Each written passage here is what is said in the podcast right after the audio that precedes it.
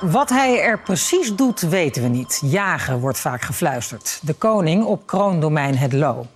Elk jaar is het drie maanden dicht in het najaar. Maar dat gaat misschien veranderen.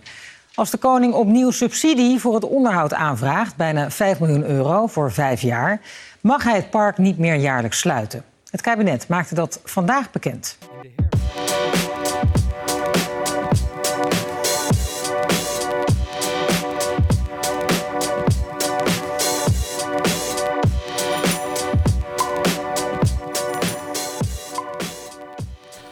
Hey Vincent, Hey Jens. een soort eh, leren bankstel zit voor me. Hè? Zo bruin ben je hoor. Ja, ik ben eh, een frikandel. nee, ik ben, eh, ik ben twee weken ben ik op vakantie geweest. ja? En week twee stond echt in het teken van, van bruin worden. Zo hadden het een beetje opgedeeld. En, en week 1 cultuursnaken. Ja, voor, ja, met onder andere. Ja. Echt? Hadden die dat echt, die dat echt bedacht? ja, wel een beetje. Ja. Grappig. En pakt dat ook zo uit? Want ik, ik had dat namelijk ook deze vakantie met mijn vriendin bedacht. Die had eh, volgens mij zeker drie badpakken mee en eh, bikinis. ja. Eh, maar we hebben maar één keer gezongen, want Oh ja. het, het strand was elke keer dicht, dus het- dat werkte dan niet.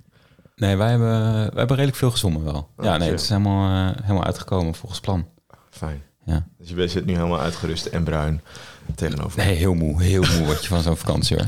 Gewoon, eh, waar ga je eten? Waar moet je naartoe? Bij elk kruispunt weer twijfelen. Links, rechts, weet je wel. Het is gewoon een gedoe. Eigenlijk is het een gedoetje. Maar ja, Ja, wij houden eigenlijk helemaal niet van vakantie. ik wil gewoon hier zitten en een podcast maken.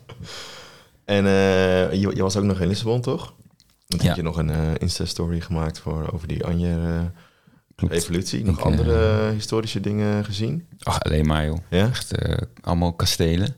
Ja. Ehm, ik heb wel een beetje vaak met kastelen, weet je. Heb je er één gezien? eh, heb je er wel weer een paar gezien? Met name als het een beetje van die ruïnes zijn. Mhm. Ehm, ik ben ook nog wel naar één, ehm, één plek geweest. eh, een soort dorp uit de steentijd. Oh, Maar ik, ik vind dat zo lastig dan eh, voor te stellen. Want daar wonen dus al duizenden jaren wonen daar dan mensen. ja. Maar ik dacht gewoon heel weinig haakjes of zo in je hoofd. Om het aan op te hangen van... Ja, welke tijd was het dan precies, zeg maar? eh, 2000 voor Christus. Voor je gevoel is het dan nog niks of zo. Maar is dat, toen was het natuurlijk al een gigantische samenleving. Maar was het, was het een soort park? Of, of Nou, nee, het was eh, ja, eh, meer een soort archeologische... Oh ja, eh hoe noem je dat? vindplek. Site, ja. Eh, en je kon wel nog de contouren zien van de huizen, zeg maar. Een soort ronde huizen waar het dan in eentje hadden ze dan herbouwd. Oh ja, ja. maar geen eh, acteurs of zo die daar rond... eh, Nee, dat is geen archeon, Nee, oké. helaas. Jammer, jammer. Ja, ik vind het ook... Ik, ik moet eerlijk zeggen, dat het, het, dat trekt me gewoon nooit zo heel erg, die hele oude geschiedenis. Maar, Nee, ik kan me gewoon weinig verbeelding, verbeeldingskracht... Ja. maar was je ook nog bij Sintra geweest dan, als je het kastelen? Nee, nee ja, daar waren we natuurlijk al geweest. Ik ben wel bij, ehm, bij een ander kasteel geweest. Iets dichter bij Lissabon. Ja? Eh, ja, het Versailles van, eh van Lissabon ja, noemen ze ja, dat. Ja, ja, ja. Ehm, dat Ik was ken op het van de zich, eh, foto's. ja, het leek heel erg op Versailles. ja. Een stuk klein natuurlijk, maar gewoon hoe de, alles eruit zag. En van binnen en van buiten. En wij waren, wij waren eigenlijk de enige op dat moment in dat paleis. Dus dat was wel leuk. Normaal heb je dat eigenlijk bijna nooit. Nee. Alleen er was dus één zo'n eh, zo'n beveiligingsmevrouw... en die ging de hele tijd achter ons aanlopen. Gewoon de hele tijd. Of we niks gingen slopen of zo. Zeg maar, normaal valt dat niet zo op. Maar ja, dat was gewoon heel irritant. Dus je voelde je heel opgejaagd? En we waren gewoon met z'n tweeën alleen in dat museum. Dus Ja. wij hadden ons mondkapje niet op. Nee. Weet je wel, ja, wie hou je voor de gek? Ja. Maar we moesten natuurlijk eh, we gelijk eh, kregen we een eh, reprimande. Dus toen, nu sta ik op de zwarte lijst in, in Portugal. Dus je ik kan komt- voorlopig niet meer komen. komt nergens meer binnen. Nee. En ben je nog bij dat oude uitkijkpunt geweest in Lissabon? Zo heel hoog is, het- is dat? Dan kun je zo over de hele stad heen kijken. Nee, ben niet geweest. Oh, ik weet ook niet zo goed meer hoe dat heet. Of, maar dat vond ik toen wel gaaf. Hm. Kon je ook. was al toen heel druk. En toen kon ik daar met mijn e-com zo... eh Ah. zeggen, alle, alle lijnen skippen. Ja, Maar eh, sorry, ik weet echt niet meer. Het schiet Nee, me binnen. Ik heb het niet opgezocht. nee, sorry. het is ook heel kort geweest. Echt één hele dag. Oh ja, alleen even in de, in de tram gezeten. Even in de hop-on of op eh, bus. Leuk. Dus dat was ook jouw eh, historische week? Of, eh, ja, nee, eh, anders wordt het zo lang. Ja, ik wou net zeggen. Ja, je hebt nog iets Ja, ik had wel iets neergezet. eh, landgoed Zwaluwe, maar dat, dat zal wel niet in Portugal zijn. dat, is, nee, dat is niet in Portugal. Nee, dat, daar is de formatie dit weekend. Ja. Gaat daar, nou ja, van formatie is nog niet echt te spreken, denk ik. Maar Ja, ik las daar iets over. Dat, daar hangen allemaal schilderijen van alle generaals of zo. Van de Nederlandse Defensie. En ja, natuurlijk van de Nederlandse Defensie. Dit is allemaal Nederlandse generaals. Allemaal portretten. En het is een hele historische plek. ja, gewoon allemaal de inspe- inspecteur, eh, generaal van de krijgsmacht. Dat Oh, is ja. dan zijn kantoor. Ja. Dat is een beetje een soort van eh, ja, ombudsman van de, van de krijgsmacht. Ja. Die eh, een beetje tussen de partijen moet staan. Hij staat ook niet onder de commandant van de strijdkrachten, maar direct onder het ministerie. Om een soort van nou ja, neutrale partij te zijn. Een soort dat vertrouwenspersoon kan. is hij. Ja, en hij is meer een soort arbodienst ook, geloof ik. Hij ziet erop toe dat alle werkomstandigheden... bureaus, eh, en, genoeg eh, staan. Ja, die stelt hij af met, gewoon met bierveeltjes en zo de hele tijd eh eronder. Maar wat, wat, wat grappig is daaraan... Ik hoorde dat al een paar keer op het nieuws en toen dacht ik, Ja. daar wil ik even wat meer van weten. Van dat Prins Bernhard daar dus Ja. heeft gewoond ook. Ja, om een soort... is, is dat, was dat niet net na de Tweede Wereldoorlog? Ja, hij was de eerste inspecteur-generaal na, de, na de Tweede Wereldoorlog. Ehm, en dat kwam eigenlijk om, eh, nou, omdat hij, hij moest een beetje een functie krijgen hè, na de Tweede Wereldoorlog. Eh, hij was natuurlijk de, de adjudant van, eh, van Wilhelmina geweest. Ja. Eh, maar de toenmalige minister van Oorlog, Johannes Meijnen... eh, Johannes Mijnen. ja, eh, Dat eens een keertje opzoeken. daar, moeten we even, daar moeten we meer van weten. ja. Ehm, maar die had het over een ja, staatsrechtelijk onthoudbare situatie en vond het zeer onwenselijk als de prins op bevelhebber van de Nederlandse krijgsmacht zou worden. Dat is natuurlijk ook zo. Eigenlijk kan dat niet echt. Nee. Eh, en daardoor hebben ze eigenlijk eh, voor hem ja, haast een beetje dit bedacht, deze rol. Eh, eerst was hij het van, van de marine, later van de luchtmacht. En, Ja, als je, dit, als je hier meer over wil weten, dan moet je eigenlijk even dat boek eh, van Anniette van der Zijl lezen. eh, Bernhard, eh, een soort biografie is dat. oh ja, Heel interessant, want dan zie je gewoon hoe hij zich in die Tweede Wereldoorlog een soort van... Dan eerst is hij een soort generaal van de binnenlandse strijdkrachten. Maar goed, dat is natuurlijk een soort, zeg je dat, een soort knokploeg. Ja. Zonder, en ja, dat kan niet, laten we zeggen, het leger worden. Dus dan bedenken ze dus allemaal richtingen voor hem. En dit is dan één zo'n richting inderdaad. ja. Ja, en hij, Om- hij was natuurlijk verzot op uniformen en Ja. eh, lintjes en onderscheidingen en al dat soort dingen. Ja, Dus eh, nou ja. En uiteindelijk is hij eh, van 46 tot 76, volgens mij, is hij, heeft hij die functie gehad. Oh, dat is best lang. Tot de Lockheed-affaire, zeg maar, toen hij alles, Moest inleveren. alles moest inleveren. Ja. Behalve zijn kroondomeinen. Behalve zijn kronenmijnen. Want daar gaan we het over hebben we nog helemaal niet over gehad. Maar heb jij nog eh, wat leuks? eh, Nou, dat Te iets, melden. iets heel korts doen dan iets eh, anders. En ik dacht even een podcast tip weer een keer. Je kent vast wel Onbehaarde Apen. Ja, Die- zeker. Die wetenschappelijke podcast. En die hadden toevallig gisteren, dus dat is op donderdag eh, 16 september, een nieuwe aflevering over een Polynesische meesternavigator, Tupaya. ja. Maar ehm, het gaat me niet zozeer om het onderwerp, maar het gaat meer omdat ik opeens ging nadenken over... Inderdaad, hoe werkt dat als je navigator bent in de middeleeuwen of nog eerder? En hoe kun je navigeren naar allerlei eilanden? En dat, leggen ze eigenlijk een beetje uit in die, eh, in die aflevering. Dus dat is wel, ehm, wel leuk hoe ze dat vroeger deden, laat maar zeggen. Dus hoe ze vroeger landen ontdekten. ja. En wat ik dus ook leerde in die aflevering, dat vond ik misschien nog wel het meest interessante, is dat er dus al, nou, duizenden jaar, honderdduizend jaar, dus zoals jij net al zei, zelfs in Portugal honderdduizend jaar mensen leven, maar pas sinds de 12e eeuw eh, mensen leven op Nieuw-Zeeland.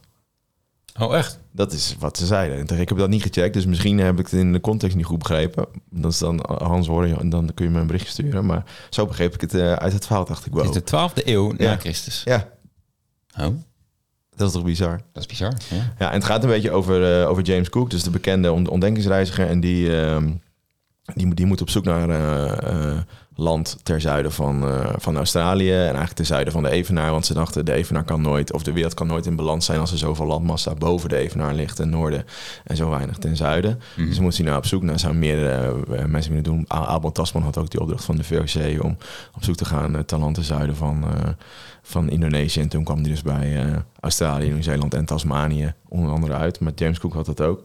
En Polynesië is eigenlijk gewoon dat hele grote gebied in de Stille Oceaan met al die eilandjes. En daar kwam hij de meeste navigator Tupaya tegen. En die ging toen die kaart invullen. Alleen zij haalt een hele andere blik op navigeren dan wij Westerlingen. Wij gingen op, op- via de zon, laat maar zeggen. Ja. En hoe zij navigeerden was... ehm, ze, wij gaan naar een eiland toe. Snap je dat? Dus we gaan ten noorden richting dat eiland. Maar zij vissen het eiland eigenlijk op uit de horizon. Dus zij, van, zij, zij brengen het juist naar je toe of zo. Dat is een beetje de insteek. En ze hebben ze samen een kaart gemaakt. En die kaart is toen eigenlijk eh, niet echt geaccepteerd, want daar konden ze niks mee. En zijn allemaal, al eeuwen wordt er onderzoek naar gedaan naar die kaart. Maar die, ehm, er zat een mysterie die, die, die ze niet konden begrijpen. En dat ze eigenlijk geen grip kregen op die kaart. Maar sinds 2019 hebben mensen het, laten we zeggen, soort van ontcijferd. Dan snappen ze nu hoe die kaart werkt van die Polynesiërs. En hoe die dus eeuwenlang zonder gebruik te maken van een kompas konden navigeren van eiland naar eiland, van land naar land. Dus dat is wel heel interessant. Ja, Nou, laten we snel doorgaan. ja de, de kolenmijnen, zei je? Ging het over hebben. Kolenmijnen? Kolenmijnen? Nee, kronenmijnen. Nee, de kronenmijnen inderdaad. Nee, eh, het, is, ja, het, het is er bijna zover. Bronstijd. Ja, ik kijk er al jaren naar uit. Ja, het is ieder jaar. Het is mijn favoriete periode van het jaar. Dan gaan we toch altijd eh herten kijken, Is nog nooit zonder gelukt. te zien. Ja, klopt. Ja. We gaan altijd eh herten kijken. Ik probeer jullie altijd aan mee te krijgen. En dan gaan we struin door de bossen op zoek naar, naar herten. En meestal, nee, eigenlijk is het nog nooit echt gelukt. Nee. En, en meestal ga ik dan een week later nog een keer. Ja, dan met heb je mijn er zusje. En dan heb ik er duizend gezien. Om, en dan zie ik Ja. wel acht- 8000 wilde zwijnen. En eh, zo gaat het altijd. Ja, een giraf komt nog eens voorbij. Ja, ik heb één keer in uh, ze toen een eh, leeuw geschoten. Nee, en te- tegelijkertijd hebben we een paar weken geleden voor het eerst geschoten. Eh, bij, ja. eh, Ja, op, een- op een kraai. En dat was gewoon in een eh, schiet, eh schiet op een papiertje. op een papiertje, ja. Omdat we een soort van alternatieve lowlands hadden. En toen moesten we op zoek naar activiteiten. En dat was een van de activiteiten. Ja. Was erg leuk. Ehm, en we wonen best wel dicht bij de kroondomeinen. Tenminste, ja, ja, we komen daar wel dichtbij vandaan. Dus ik ken het verhaal wel goed. Ehm, en er is eigenlijk weer heel veel gedoe over de afgelopen weken. Want de, de kroondomeinen zijn weer dicht sinds eh, 15 september. En eigenlijk zijn de kroondomeinen het gebied, het landgoed rondom eh, Paleis het Loo. eh, bestaande uit eh, nou, meer dan 10.000 hectare. En van 15 september tot en met 15 december, dus meer dan drie maanden, kunnen bezoekers meer dan 6000 hectare niet bezoeken. Je kunt daar niet meer wandelen, fietsen, wild kijken of andere dingen doen. Want dan wordt het dus afgesloten voor de, voor de, voor de burgers, laten we zeggen, en is het alleen maar toegankelijk voor het Koninklijk Huis. Ehm, en dat is best wel bijzonder, want het is dus het grootste landgoed van, ehm, van Nederland. Het strekt zich uit ten noordwesten van de gemeente Apeldoorn, maar valt ook deels in de gemeente Epe en eh, Nunspeet. En het is onderverdeeld in drie delen. Dus je hebt het staatsdomein afdeling Hoogzuur, Hoogsoeren, staatsdomein afdeling Paleis Park, dus dat is Paleis het Loo en alle tuinen eromheen. Ja. En het eigenlijke kroondomeinen. Er zijn enorm veel eh, leuke bezienswaardigheden. Ik doe even een eh, VVV-toertje. Je hebt bijvoorbeeld een ijskelder, waar ze vroeger eh, rond 1600 eh, ijs bewaarden. IJs. IJs, ja. Dus dat Ja. lag dan diep in de grond. En dan als er in de winter ijs op de sloot lag, gingen ze dat uithakken. En dan legden ze dat, bewaren ze dat daar. Eh, heel veel sprengen en vijvers. Dus dat zijn eh, eigenlijk werden die sprengen gemaakt door de, voor de fonteinen in de paleistuin van Paleis Loo. Ik weet niet of je daar was wel eens geweest bent. Het is een hele grote, bijzondere fontein. Die Nee. natuurlijk continu water moet spuiten. En dat, Ja, het is heel erg. Ik ben er dus nog nooit geweest. ja, bizar. Dus eh, ja, neem me mee, zou ik zeggen. Ja, gaan we een keer naartoe. Maar ook bijvoorbeeld een, een paardenkerkhof waar paarden werden begraven, maar ook de huisdieren van Oranjes. Dat, Ah. dat staat nog steeds. Ja. En dan kun je ook gewoon normaal, als het open is, kun je dat allemaal, eh, allemaal wel prima zien. Maar ook een jachtslot, het Oude Lo, is ook best wel, eh, wel mooi. Ehm, en het aardhuis natuurlijk, dat ken je misschien ook wel van de bordjes. Ook Het erg aardhuis, mooi. Dat ja. is dan zeggen nu het soort van informatiecentrum van de kroondomeinen. Is nu ook dicht. Dus het is enorm veel, veel te zien. En het is best wel eh, echt een mooi stuk eh, natuur. Maar het is dus eh, Ja, eigenlijk in een van de mooiste periodes van het jaar. eh, ja, de mooiste. Ja. Eigenlijk voor dat gebied Ja. eh, wordt het afgesloten voor het grote publiek. Ja, en het, is, eh, het wordt dus afgesloten en daar is, het wordt steeds meer, is steeds meer kritiek eh, over. Dus wij dachten, laten we even die, beetje die kritiek uiteenzetten vandaag. En, en ook vooral even kijken naar de geschiedenis van de, van de kroondomeinen. En ook een beetje naar de geschiedenis van het jagen door koningshuizen vooral. Dat ja, dat is ook een apart fenomeen. Ja, ja, dus laten we beginnen bij het. Eigenlijk misschien maar laat- laten we gewoon maar beginnen bij het begin. En vaak zie je dan dat begin 1900 eh, koningin Wilhelmina. En eigenlijk is dat dus prins Hendrik. eh, met geld van koningin Wilhelmina allerlei gronden koopt achter Paleis het Loo. eh, richting Hoogsoeren. En eigenlijk was dat maar voor één reden, dat was om te, om te jagen. Maar ehm, het fundament voor, het hele landgoed was al veel eerder gelegd. Want inclusief para, eh, want het gaat ook over het paleis. En dat werd al gelegd in 1684 door stadhouder Willem III. Want hij kocht in 1684 het kasteeltje het Oude Loo met bijbehorende parken. Dat was ongeveer 200 hectare. en een belang in het 3000 grote, over 3000 hectare grote bos van Hoogsoeren van Johan Carcelius van Ulft. En hij betaalde daar 90.000 uh, Carolus guldens voor. Um, en hij gaf dus in 1650 de opdracht om naast het oude kasteeltje een groot nieuw jachtslot te bouwen. En dat voltooide wat gebeurde in, in 1686. En dat is eigenlijk uh, Paleis het Loo op dit moment. Uh, hij wilde er graag een Franse tuin bij met een nieuw jachtslot werd aangelegd. En het moest kunnen wedijveren met de tuinen van Versailles. Nou, dat was ook in Lissabon zo. Ja, dat is altijd zo. Dat is toch, dat is toch wat gespiegeld. Al dat gedoe met, uh, met, die, met die jongens, met Versailles. Ja. Dat is echt... Nou ja. Nou, uh, dat is in 16, uh, 1680 ongeveer. 1686 uh, werd begonnen met uh. Op dit moment wordt het gerenoveerd. Dus het is aardig lang heeft het stand gehouden. Maar tussendoor is er enorm veel ge gebeurd. Um, het heeft ook heel erg ernstig in verval geraakt. Het is uiteindelijk weer zeggen opge, opge, opgeknapt. Um, en koningin Wilhelmina, onze koningin rond 1900... Uh, die hield heel erg van, van de Paleis het Loo en vooral de natuur eromheen, want ze kon daar tot, um, tot, tot rust komen. En zij had een, uh, zij had een man, uh, Zwijnen Heintje was zijn, was zijn bijnaam, Prins Hendrik, want hij hield erg van, van op zwijnen jagen. Ehm, en samen kochten zij eigenlijk alle, een heel groot stuk gebied rondom dat paleis heen. En dat was voornamelijk heide, heidegrond. En dat vind ik wel interessant, want dat, dat wist ik eigenlijk helemaal niet. Uh, dus ze kochten die heidegrond en um, voor, echt voor de jacht. Maar met heide, daar lopen weinig uh, wilde dieren, want die kunnen dan geen dekking zoeken. Dus wat gingen ze doen? Was mm. heel veel bos aanleggen en heel veel heidegrond opkopen. En dat eigenlijk was best wel goed voor de lokale bevolking. Dus onze voorouders, hè, we komen allebei van de Veluwe, de Vale Ouwe. Uh, waren vaak hele arme boeren die niet zoveel uh, eigenlijk hadden. Maar doordat uh, het Koningshuis zoveel opkocht, konden ze en hun grond verkopen, maar konden ze ook dus gaan werken in, in, in de soort van industrie die daar ontstond. Want ze konden dus aan de gang gaan als bosarbeider, want er moesten heel veel bomen geplant worden. Als houtvester, met, want ze gingen ook geld verdienen met, met, met het kappen van bomen of als jachtopzichten. En dat eigenlijk was dat dus een hele belangrijke impuls voor de soort van lokale economie. Dat is wel interessant, want daar heb ik me nooit bij, uh, bij stilgestaan. Um, maar met, met bomen ben je er niet alleen, want ehm, zonder bomen kun je nog steeds niet jagen. Dus werden ook allerlei dieren geïmporteerd. Het wild zwijn was eigenlijk best wel verdwenen uit Nederland. Uh, en die werd uh, via uh, treinwagons en allerlei, op allerlei manieren uit Duitsland gehaald. Er werden ook verschillende damherten geïmporteerd. Uit Spanje lees je dan en uit Frankrijk en Italië. En damhert is, is dus blijkbaar een exoot in Nederland. Wist ik eigenlijk ook niet. Ja. Um, en op die manier kreeg eigenlijk dat die, die, kregen die kroondomeinen een beetje, een, een beetje vorm. Uh, en dat was echt allemaal voor de jacht. En ik vind het wel interessant, want dan ga je dus op zoek naar Delver, dat doe ik dan altijd. En dan lees je gewoon... Uh, Delver is de... Krantendatabase. Ja. En dan lees je dus gewoon uh, eigenlijk een soort van verslagen van die, van de eerste jachtpartij. Dus hier, ik heb een bericht uit uh, van 15 oktober 1901 uit het Dagblad van Noord-Brabant.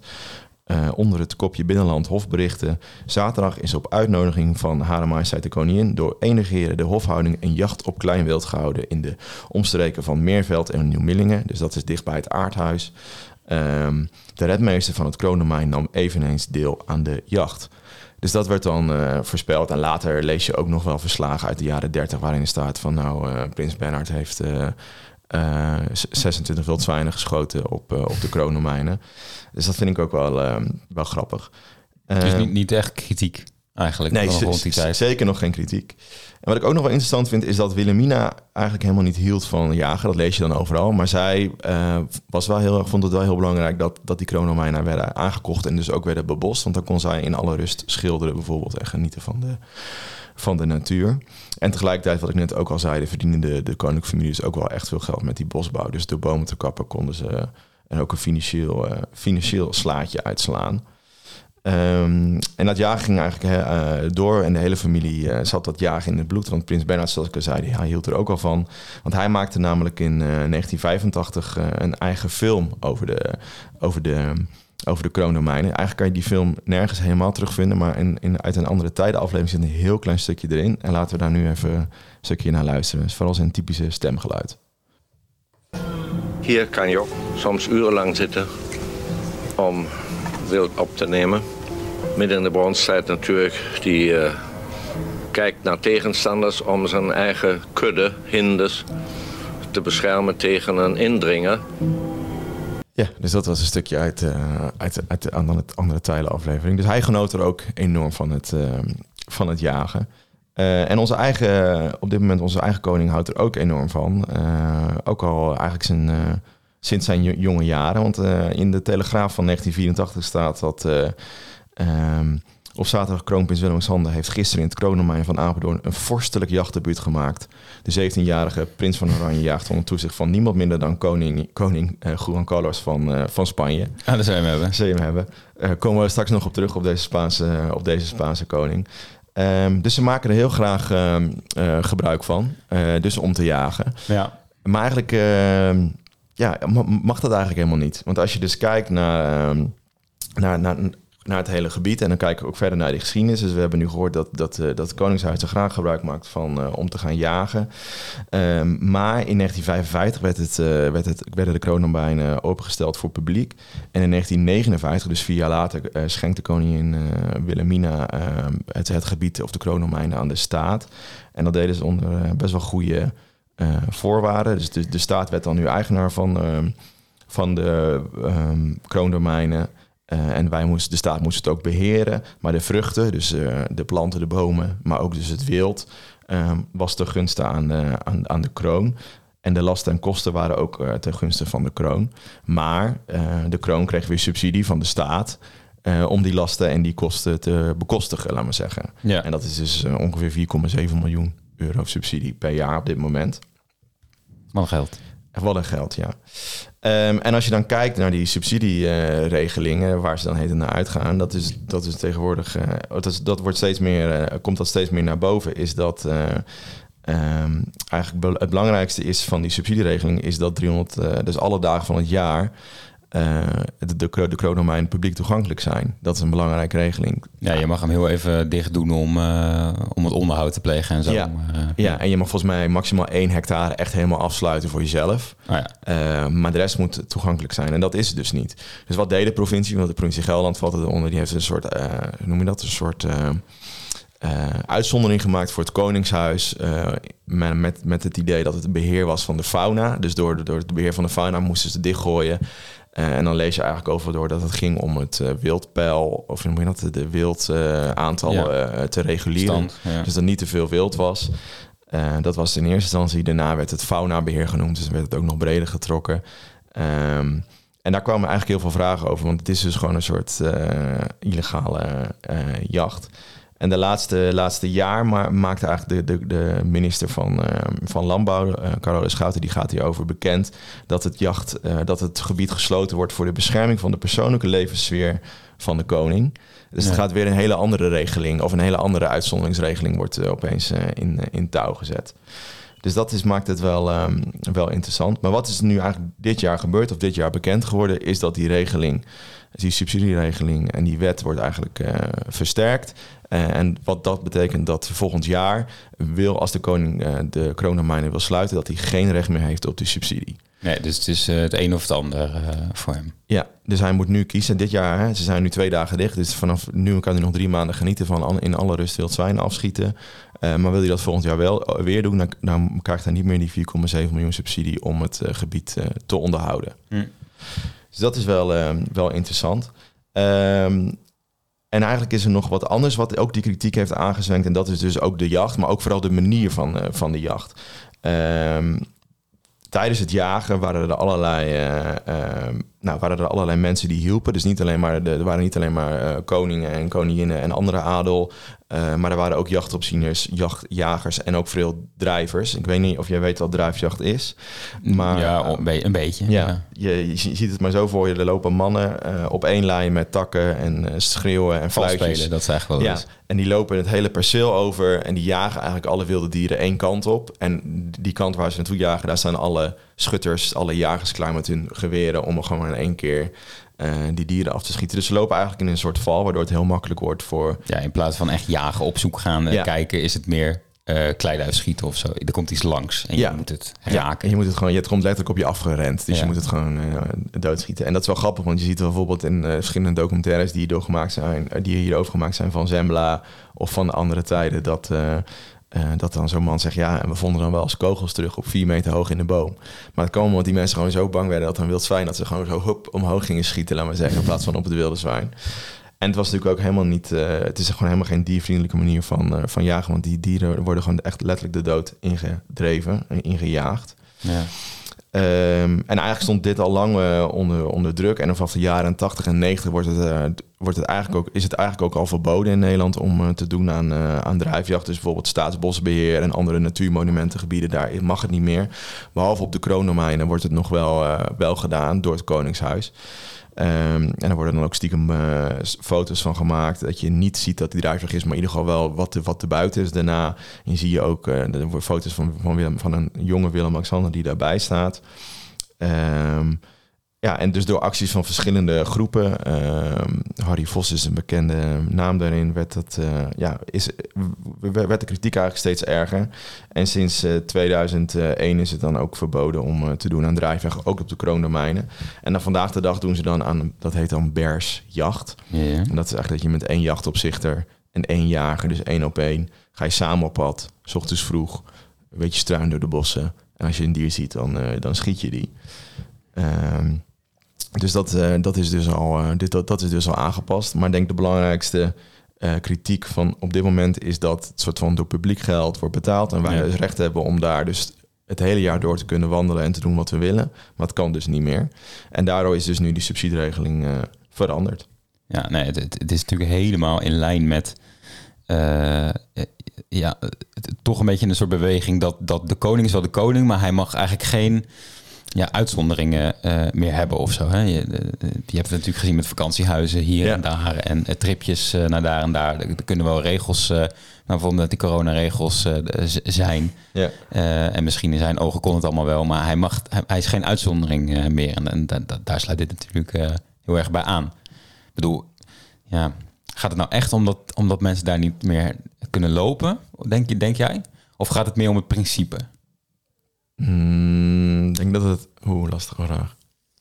Ja, het is wel, zeggen, de mooiste tijd van het jaar om daar te lopen. Ja, ja, dat, het is wel, ja dat is wel... Toevallig ook, eh, dit, dan is toevallig ook het jachtseizoen geopend. Dus ja, dat is Ik natuurlijk denk wel... dat je heel veel categorieën hebt van mensen waarom ze er tegen zijn. Ja, A, omdat ze er niet kunnen zijn. B, gewoon puur voor jagen. ja, Eh, en dan C, misschien weer meer die uitzonderingspositie anti-koningshuis. Kost veel geld. En ben je een beetje die, eh, die categorie. ja. Ja en, dat, ja, en dan zie je dus nu dat de manier van jagen, wat ik nog net niet verteld heb, dat, dat ze dus, eigenlijk was het een soort, zeg je dat, eh, in scène gezet jagen elke keer. Dus en ze hadden die drijfjacht, maar ze, Ja. die dieren werden ook enorm bijgevoederd van tevoren. Die, die zwijnen, dat ze lekker stevig waren en dat ze dan konden eten op het jachtslot. Ja. Eh, maar bijvoorbeeld fazanten zaten gewoon in de kooi, die werden losgelaten, zodat ze daar konden schieten. Weet je, die verhalen lees je overal. En dat, dat, en dat is nu dus, als het goed is, allemaal verboden. En het gaat dus nu echt om het jagen, om het wildpeil op, op orde te Ik moet, ik moet alleen maar denken aan... eh, je hebt zo'n film met eh, André van Duin. De boezemvriend heet hij. dan gaat hij... Even, even, een, even een zijsprongetje, even een, Ja. een dwarsstraat. Maar dan gaat hij eh, jagen met Napoleon. Ja. En dan zitten er gewoon mensen in de boom... en die gooien gewoon de hele dode fazanten uit de boom. En ze zijn gewoon een beetje zo in de, in de lucht aan het schieten. En dan ik moet gewoon he- dat tafereel ook gewoon heet in mijn hoofd. Het is gewoon zo knullig haast. Of een Ja. beetje triestig is het. Ja. Ze, Ja. ze willen iets jagen, maar wat- het is toch gewoon vals spelen, ik bedoel. Ja, maar het is wel meer dan het jagen. Misschien kunnen we, maar dat laten we daar Maar straks misschien naar over de, vals spelen gesproken, hè? naar de quiz over hebben. Want misschien is het tijd voor de quiz. En dan eh, kunnen we daarna misschien verder over de functie van jagen voor, eh, voor, voor koningshuizen. Yes. Jij eh, had de stand eh, opgezocht, eh, geloof ik, hè? Ja, het is... eh, sorry, ik werd even afgeleid. Het is eh 6, eh 6, 4. Dus 6, 6 voor ons en 4 voor de leken. Eh, maar we hadden vorige, week, vorige keer aflevering allebei onze vraag wisten weg. Hadden geen idee.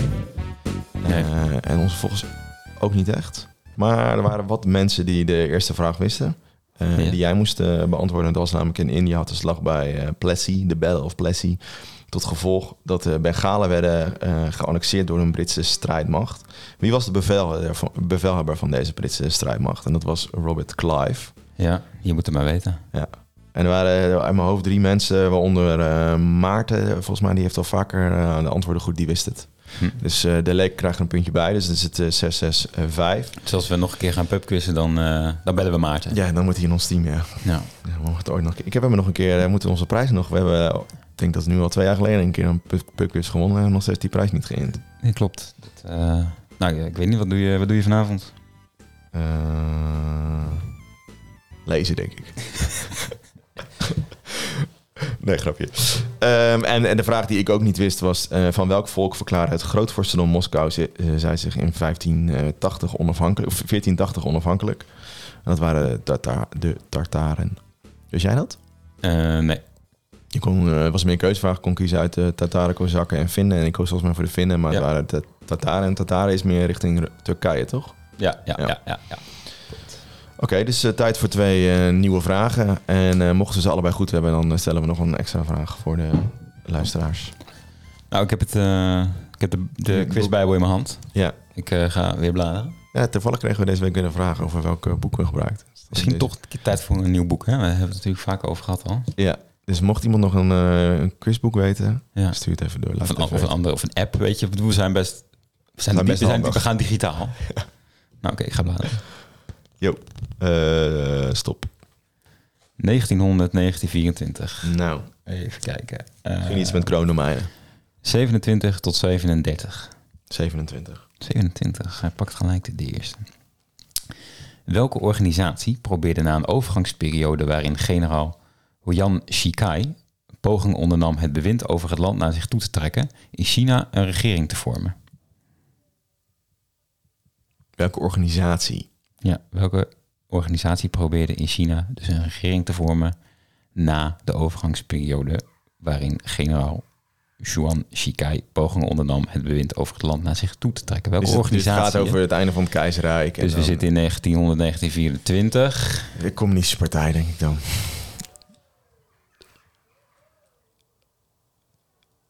Eh, is het echt, eh, is nee, het dat een- is eh, niet goed. Dat is echt een bedrijf. Ja, AliExpress. nee, het is niet goed. Het is, eh, ja, nee, het is gewoon echt niet goed. Oké, nou eh, helaas. Dan ga ik een vraag aan jou stellen. Welke vraag? Ga ik even kijken wat staan. 27. Oh ja, ja, Ja. had ik niet echt. Ja, nee, had ik niet. Nee, nee, had ik niet geweten. Eh, zeg maar stop. Stop. Eh, we zitten in 1850, 50, 1899 en een vraag tussen de 90 en 98. 90 en 98. Ga ik voor 94. De bokseropstand mislukte. Punt. Eh, waar? Wat waren de gevolgen voor de Chinese overheid? Dat is de vraag. Sorry. Ik weet, daar weet ik weinig van, joh. Die boksopstand. Ja, ik ken alleen maar zo'n Eh, plaatje nog. Weet je, zo'n afbeelding die we dan altijd zagen. Wat zijn de gevolgen voor de Chinese overheid? Eh, ik, ik denk iets van alleen handelsrecht eh, op iets. Ehm ja, het- alleen Ja, ja, boksenopstand? Nee, ik weet het niet, joh. ja, alleen handelsrecht is niet helemaal, maar je zit wel in de goede richting. Dus Hmm. eh, misschien een tipje voor de luisteraars dan. Ja, Ehm, maar het gaat wel net over westerse landen, houd het in je achterhoofd. ja. Ja. Ja. Nou, eh 665, gelukkig dat jij het ook niet wist. Ja, ja, weet je, kan gebeuren. Oké, laten Gaan die we, dingen. Laten we verder gaan. Hebben we alles, eh, we hebben, volgens mij hebben we alles wel een beetje gezegd in het kort over de, over de kroondomeinen en over de discussies die nu gaan. Jagen versus eh, jagen. Het gaat dus en over jagen en over eh, gebruik maken van, van publieke gronden, laat maar zeggen. Ja, Op allerlei manieren. Wat ik nog wel interessant vind om te vertellen. het gaat niet, is wel een beetje een zijpaadje, maar dit is altijd een leuk eh, weetje van mijn vader, een soort zo'n stokpaardje. Gaat over de kronenmijnen. Ehm, nou, het was de Eerste Wereldoorlog. Er kwamen best veel vluchtelingen naar Nederland. Ehm, dus er was het idee om een soort vluchtelingenkamp te bouwen in Elspet. En dat is de, plaats waar mijn vader geboren is. niet zo ver eh, van... eh Nou, eigenlijk, dat grenst aan de, aan de kronenmijnen. Eh, maar Wilhelmina heeft er persoonlijk tegengehouden, want ze had geen zin om vluchtelingen in een achtertuin te hebben. Ja, En toen hebben ze dus een eh, vluchtelingenkamp eh, gebouwd eh, in Westerbork. Wat dus later weer gebruikt is door de Duitsers als, eh als doorvoerkamp. Dus nou, Hmm. dat had gewoon een uh, Elspet kunnen staan. Dat is dan wat ik even kwijt wilde. Nou, kun je die in je zak steken als je stijf naast in de kroeg ja, tot 12 uur en je denkt om half 12, ik heb geen feitje meer. Er zijn ook heel veel van die leuke anekdotes over eh, Prins Hendrik toch op, eh, op het Lo. Dat hij Ja. constant dronken eh, daar rondliep en dat ze hem niet herkenden en dat ze hem over, de, over het hek hebben geflikkerd. Dat ze dachten dat het een zwerver was. Ja. En Dat, ze, dat hij... ja, en dat hij van jagen hield, maar niet alleen maar op dieren. Nee, Ook op vrouwen vooral. Vrouwen, ja. Het is, eh, maar het is wel echt, eh, mocht het open zijn, ga er zeker een keer wandelen of fietsen. Want je hebt echt super mooi op veel plekken. En je hebt ook een, het hutje waar Wilhelmina schilderde bijvoorbeeld, die kun je nog steeds zien. Het is een boom waar haar, zeg je dat, waar ze haar naam in heeft gekerfd. Best wel mooi. Ah, nou, dat oude, dat oude jachtslot is heel mooi. Dus daar gingen ze daar altijd lunchen tijdens de jacht. En dan werd dat wildzwijn wat geschoten was daar opgediend. Lees je dan. Om het genot van een lunch werd nog even de jacht ja, nabesproken. Lees je ook in leuke verslagen op, op Delver. Eh, nou, het aardhuis is heel mooi. En je kunt, eh, eh, als je gewoon op de paden blijft, best wel goed ook wel wild zien. Dus dat is wel leuk. Maar nu dus jagen in koninklijke families. Want we zeiden al, het, is, het gaat niet echt om, niet altijd om het jagen, maar het gaat vooral denk ik om het netwerken. Want het is ook een moment om, eh, om uitgehuwelijkt te worden. ja. Ehm, want eh, het verhaal is dat Beatrix bijvoorbeeld eh, Klaus eh, ook ontmoet heeft tijdens de jacht. Ze, werd, ze was daar voor een andere Duitse adelman, maar die vond ze niet zo interessant. Maar in zijn entourage zat ook Klaus en ze hebben elkaar Mm. ontmoet tijdens het jagen. Dus dat is bijvoorbeeld al, eh nou, het was gewoon echt een moment om, eh, om te netwerken. Nou, je ziet ook op de kroondomein eh, vaak werden de, lees je dan dat inderdaad de Duitse adel werd uitgenodigd, maar ook eh, Spaanse, de Spaanse adel, wat natuurlijk allemaal familiebanden met, met elkaar had. En ook de top van het Nederlandse bedrijfsleven mocht vaak ook langskomen om, om te schieten. ja. Dus dat is, was gewoon een moment om even de high class elite, ja, om elkaar te, te ontmoeten in alle rust, Ja. zonder, zonder ja, pottenkijkers. Ja, precies. Want daar, daar, daar kom je natuurlijk ook weer een beetje in die eh, persoonlijke sfeer uitleg. hè, om eh, het, toch een stukje eh, eh, privacy te hebben. Maar ik vond het inderdaad wel interessant van eh, eh, ja, toch die koninklijke families. Hè, die, eh, waar, waar de jacht altijd zo'n groot ding is. En je ziet het natuurlijk bij, bij alle hogere klassen wel. eh, volgens mij met name vanaf eh, een beetje de, de Victoriaanse tijd in Engeland is het heel populair. De vossenjacht, dat wordt echt, nou ja, dat, daar gebeurt het. Mhm. Wat je net al zegt, ook het, eh, ook het netwerken. Maar goed, dat, dat werkt dus nog steeds door in vandaag de dag. Wat eigenlijk best curieus is, denk ik. Ja, Zeker in, in deze tijd waarin elk publiek schandaal om de hoek ligt. ja. En zo had je bijvoorbeeld ehm, in eh, eh, nou ja, het begin van deze eeuw... en dat is dan één eh, voorbeeld dat ik er even heb uitgepikt... van de Britse koningin Elizabeth...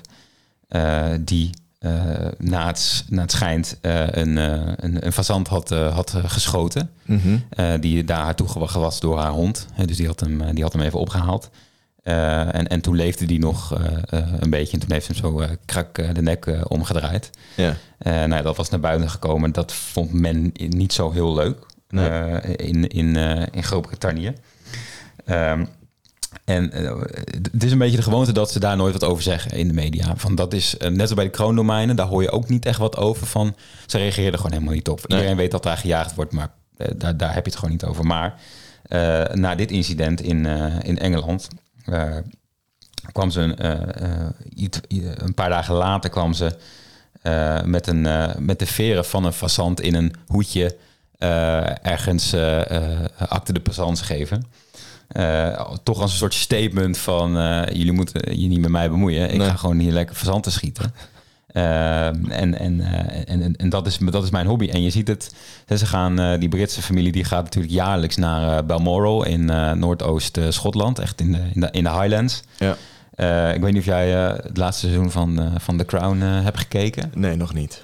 Maar daar zit, daar zit ook één aflevering, dat gaat echt heel erg daarover, over de jacht eh, op Balmoral. En eh, Dit sowieso, want ik heb de andere seizoenen wel gezien. Daar zit sowieso heel veel jachtscènes in. er zitten daar ook al echt in, Ja. ja. Alleen in dit geval eh, ging Diana voor het eerst mee. En eh, nou ja, het is even de vraag of dat natuurlijk waar is of niet. Zoals met alles in The Crown. Maar het is toch vaak gebaseerd op vage verhalen. Ja. Eh, dat Diana daar eh, het, het hert had geschoten waar ze met z'n allen dat weekend op aan het jagen waren. Ze gingen in groepjes gingen die, ging je overal naartoe en wie uiteindelijk het hert nou ja, vond en doodschoot, die, die was dan de winnaar. Een Een soort bersjacht. soort bergjacht eigenlijk, ja, ja deerspotting. En naar verluid heeft Diana eh, eh, die, eh, eh, dat hert gevonden en, eh en ze- doodgeschoten toen samen. was ze echt eh, geaccepteerd in de En toen werd ze echt geaccepteerd in de familie, ja. Dat, de Balmoral, eh dat, ja, dat was een soort... ehm, ja, noem je dat? Een soort ballotage eigenlijk voor... eh, dat was met andere lieden daar ook, eh, daar ook gebeurd. En eh, natuurlijk eh, nog wat recenter ehm, heb je de zogenaamde Olifant Gate. Mhm. Eh, waarin eh, de Spaanse koning Juan Carlos, nou we noemden hem net al even, de, de jachtleraar van, eh, van onze koning Ja. Willem-Alexander, die een, Juan Carlos een olifant doodschoot in Botswana en daar maar liefst eh 44.000 euro voor betaalde om dat te mogen doen. Ja. Ehm, dat was ook een beetje tegen het zere van, van het Spaanse volk. Kan ik me voorstellen, ja. Want eh, eh, wat, wat, wat, wat, ik, ik wist dat niet, maar eh, blijkbaar heeft dus Juan Carlos ehm, eh, heeft zichzelf per ongeluk in het bijzijn van zijn vader in zijn, in zijn voet geschoten. Of de kleinzoon van Juan Carlos, ik moet het even goed zeggen. Ja. Maar Juan Carlos zelf heeft in 1956 zijn eigen broertje doodgeschoten met een ge- jachtgeweer. Ja. Dus als je het hebt over eh, jacht, gossip, Dan, is het, moet, dan Is moet je wel goed Carlos mooi? zijn. Die is ook dus de, de, de kroon bijna regelmatig bezoekt. Ja, Nog die steeds. eh, ook helemaal nu dus eh, ja, Ja, nu is hij volgens mij helemaal uit de gratie. geëxcommuniceerd is. En, eh, Ja. Nou ja, ik ben een keer in Zuid- in Zuid-Afrika geweest. En toen gingen we ook op een georganiseerde reis door de Krugerpark. En er was één dag of één ochtend gingen we naar een soort private... zeg je dat? Een private gebied. Dus dat is van een eigenaar, laat maar zeggen. En daar liepen dan bijvoorbeeld ehm, neushoorns... ehm, en eh, eh, olifanten die dan nog allemaal slagtanden hadden. En dat was best bijzonder. Neushoorns die nog een, neus, die nog een eh, hoorn hadden op hun neus. nou ja, Wat heel bijzonder is, want die, zijn heel veel geld waard. Dus die worden elke keer gestropen uit het Krugerpark. En dat was dan helemaal beschermd. Er liep ook overal bewaking omheen. Ehm, maar dat was ook, het was heel luxe opeens. Dus waar, ik hadden, we gingen via, dat heette letterlijk volgens mij Budget, Budget African Jungle of zo. Een reisorganisatie gingen we dat doen, want we sliepen in een tent. En de rest sliep allemaal in huis en wij moesten in een tent slapen. Ehm, maar eh, toen vertelde die, die, goh, die gids van ons ook dat dus daar heel veel gewoon rijke Europeanen en rijke Zuid-Afrika, Afrikaanse mensen heel veel geld betalen om dan eh, zo'n dag te mogen jagen in dat private park. En dan mogen ze niet op die neushoorn jagen, maar wel op eh Bush, Bush McDonald, dus die reetjes en dingetjes en bokjes en ja, weet ik veel wat. En dan, ja, dat is gewoon, dat is gewoon een, een uitje. Ja, Dan, ja, dan komen ze gewoon met al hun spullen, gaan ze, komen ze uit Amerika of Europa daar naartoe. En dan gaan ze gewoon een hele dag jagen daar. Ja. ja, ja, ik, ja, ik, ik snap het gewoon niet. Ik, ik, ja, ik, ik kan misschien wel begrijpen dat je het leuk vindt, maar eh, van Willem-Alexander, als we, als we dat even uitpakken, dat gewoon al die schandalen en al- gewoon die, die, die dingen de hele tijd. Ik, ik snap gewoon niet waarom je dat nog zou doen, zeg maar. Je weet dat daar gewoon heel veel glazen van komt. Ja, ja klopt. En Ja. dan kan je het wel leuk vinden, maar ja, Ja. ik vind ook wel wat leuk wat ik niet mag. Ja. ja, mijn opa was ook jager. Ja, Dus ja, ja. het is toch een beetje... nou ja, je, je kan wel jagen, maar wat zij doen is natuurlijk niet... Nee. eh, Nee, maar je kan je natuurlijk ook afvragen, want nu wordt er dus eh, best wel veel gejaagd, omdat dus de wildstand heel hoog staat. Er zijn heel veel wilde zwijnen bijvoorbeeld op de Veluwe, dus die mogen afgeschoten worden. En er zijn heel veel edelherten en heel veel damherten, wat dus een exoot is. ja. Ehm, dus die, die mogen, dan, mogen dan een x aantal per jaar van doodgeschoten worden. Maar kun je ook zeggen van ja, de natuur kan het ook een soort van... Volgens mij, het, heel vaak is het argument van, nou, stel je voor, je loopt, je loopt dan in de, in de natuur, je loopt in, op de Veluwe en je ziet opeens een, eh, een hert daar helemaal uitgeblust en dood liggen, eh, of bijna dood liggen. Van ja, dat dat heel erg is en dan kan je beter afschieten, laat maar zeggen, ja. voordat het zover is. Terwijl je ook kan zeggen, ja, waardiger of zo. Ja, Dat- je kan ook zeggen van ja, het is ook wel goed dat dat gewoon gebeurt. Het houdt toch wel zelf in een balans. En je hebt natuurlijk nu wat meer, ze hebben wat meer vijanden, dus door de wolf bijvoorbeeld, die Ja. terug is. Eh, dus dat kan ook voor zorgen dat, die, dat het allemaal wat meer in balans komt. Dus je kan je afvragen of, of jagers echt nodig zijn. Tegelijkertijd Ja. zie je, nou, in, waar ik vroeger bij mijn ouders ook best wel veel in de weilanden, daar werd best wel veel gejaagd op hazen bijvoorbeeld. Ja. Ja. is dat ook echt nodig? Ik weet ook niet. Of fazanten, die vlogen daar ook. Ja. Ja. Ja, ik- aan de ene kant, als je zegt van damherten zijn exoten. ehm, ik vind wel dat als je op een gegeven moment een soort van eh, eh, kunstmatige situatie creëert, dan, moet je, dan heb je ook de verantwoordelijkheid voor om die te, hou, of, ja, te houden, zeg maar. Ja. Kijk, als je, op een als je opeens een damhert zet in een, eh, in een gebied waar een wolf geen exoot is, ja, dan, ja, dat, dat, dan kun je wel zeggen de natuur regelt het, maar uiteindelijk heb je dan alleen nog maar wolven. En jij hebt dat damhert er neergezet. Hij is het niet zelf, hij was er niet zelf. Nee, klopt. Nee, maar goed, dat, dat, dat is een beetje dat last van de dammer. Want dat is al meer dan... eh, Al volgens mij, je leest dat dat al in, de 18e eeuw voor het eerst in Nederland is gesignaleerd. En niemand weet waar het vandaan komt. Ja. Dus dat, dat is niet, laat maar zeggen, ge- door prins Hendrik niet geïmporteerd. Nee, oké. Het is waarschijnlijk wel geïmporteerd, maar niet door prins Hendrik... doordat hij wilde jagen in de kroondomeinen. Ja. Ehm, maar ja, dat is, ja het, is, het is lastig. En, ze, Nee. en zij passen gewoon heel te goed, laat maar zeggen, in de- deze omgeving... waardoor ze Ja. supersnel zich uitbreiden. Ja, het, het blijft lastig. Ik weet niet zo goed. Aan de andere kant heb ik ook altijd zoiets van mijn achterhoofd van... ja, ik gun ze ook wel een beetje privacy. Maar ja, goed, dat hoeft, hoeft niet op zoveel hectare. Plus ze wonen, Nee. ze wonen al- allemaal al, aardig groot. Dus ik weet ook niet zo goed wat ik er mee aan moet. Ja, ze hebben, ze hebben allemaal leuke, leuke optrekjes, eh, geloof ik. Want volgens mij, eh je had het al net even over, eh, over Harry Vos. Ja, die gaat, eh, ehm, als, de, als de poorten niet open gaan van het, van het eh, kroondomein, dan wil hij gaan, eh, gaan picknicken in het, eh, in het kroondomein als Ja. protest ja. op eh, 15 eh, september. En dat is, was twee dagen geleden. Oh, sorry. Nee, ja, het is misschien wel interessant om dat een keer op te zoeken. Kijk ook zeker, die zullen we even in de show notes zetten. Die aflevering van Zembla, daar zit hij ook in. Maar Harry Vos is met zijn stichting Kritische Natuurfauna, Kritische Fauna... al sinds de jaren tachtig eh, aan protesteren tegen, eh, tegen de jacht in de, in de kroondomeinen. En vooral de sluiting van de kroondomeinen. En hij is ook een van de weinigen die ehm, tijdens de sluiting in de kroondomeinen is geweest... en foto's heeft kunnen maken van de jacht. Dus dat is wel eh, interessant om die foto's terug die, die zullen we ook even plaatsen op onze, op onze socials. Het was eh 19 september, is het. Dus het eh, Zondag. gaat nog eh, gebeuren zondag. Ja. En, eh, maar dat is dus niet van Harry Vos. Die, die heeft er wel mee te maken.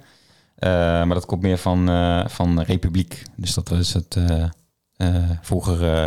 ja, ze hebben de naam veranderd, geloof ik. Ze heette vroeger iets van Ik weet het niet, sorry. Republiek, de, de Republiek Nederland of zo. Republikeinse Partij Nederland. Oh ja, en nu heet het gewoon Republiek. Oké. Maar als de koning niet voor zondag 4,7 miljoen terugbetaalt en van de afgelopen vijf jaren en het park niet openlaat, dan gaan ze picknicken in, het, in de kolenmijnen. Achterkans zeer groot dat hij dat niet gaat doen. Dus Nee, dat die picknick, eh, die zouden wel komen dan. het is ook niet heel... Het is, het is ook zo'n groot gebied bijna niet te beschermen. Dat, dat zie je dan ook Nee. in die zin, maar je kunt er best wel makkelijk inrijden nog. Dus het is dan wel, als, als er gejaagd wordt, ehm, dan zie je dus wel overal auto's van Marseille en zo heen en weer rijden. Wat ook wel gek is, denk ik, ja. ja. Dus Ja. het is wel, het is, het is interessant. Laten we eh, misschien maar een keer, eh, ik wil geen oproep doen tot burgerlijke onge- ongehoorzaamheid, maar waarom niet? hey, jij zullen hem afronden? Ja, eh, laten we dat doen, jongen. Het is, eh, we zitten redelijk aan de tijd. Ja.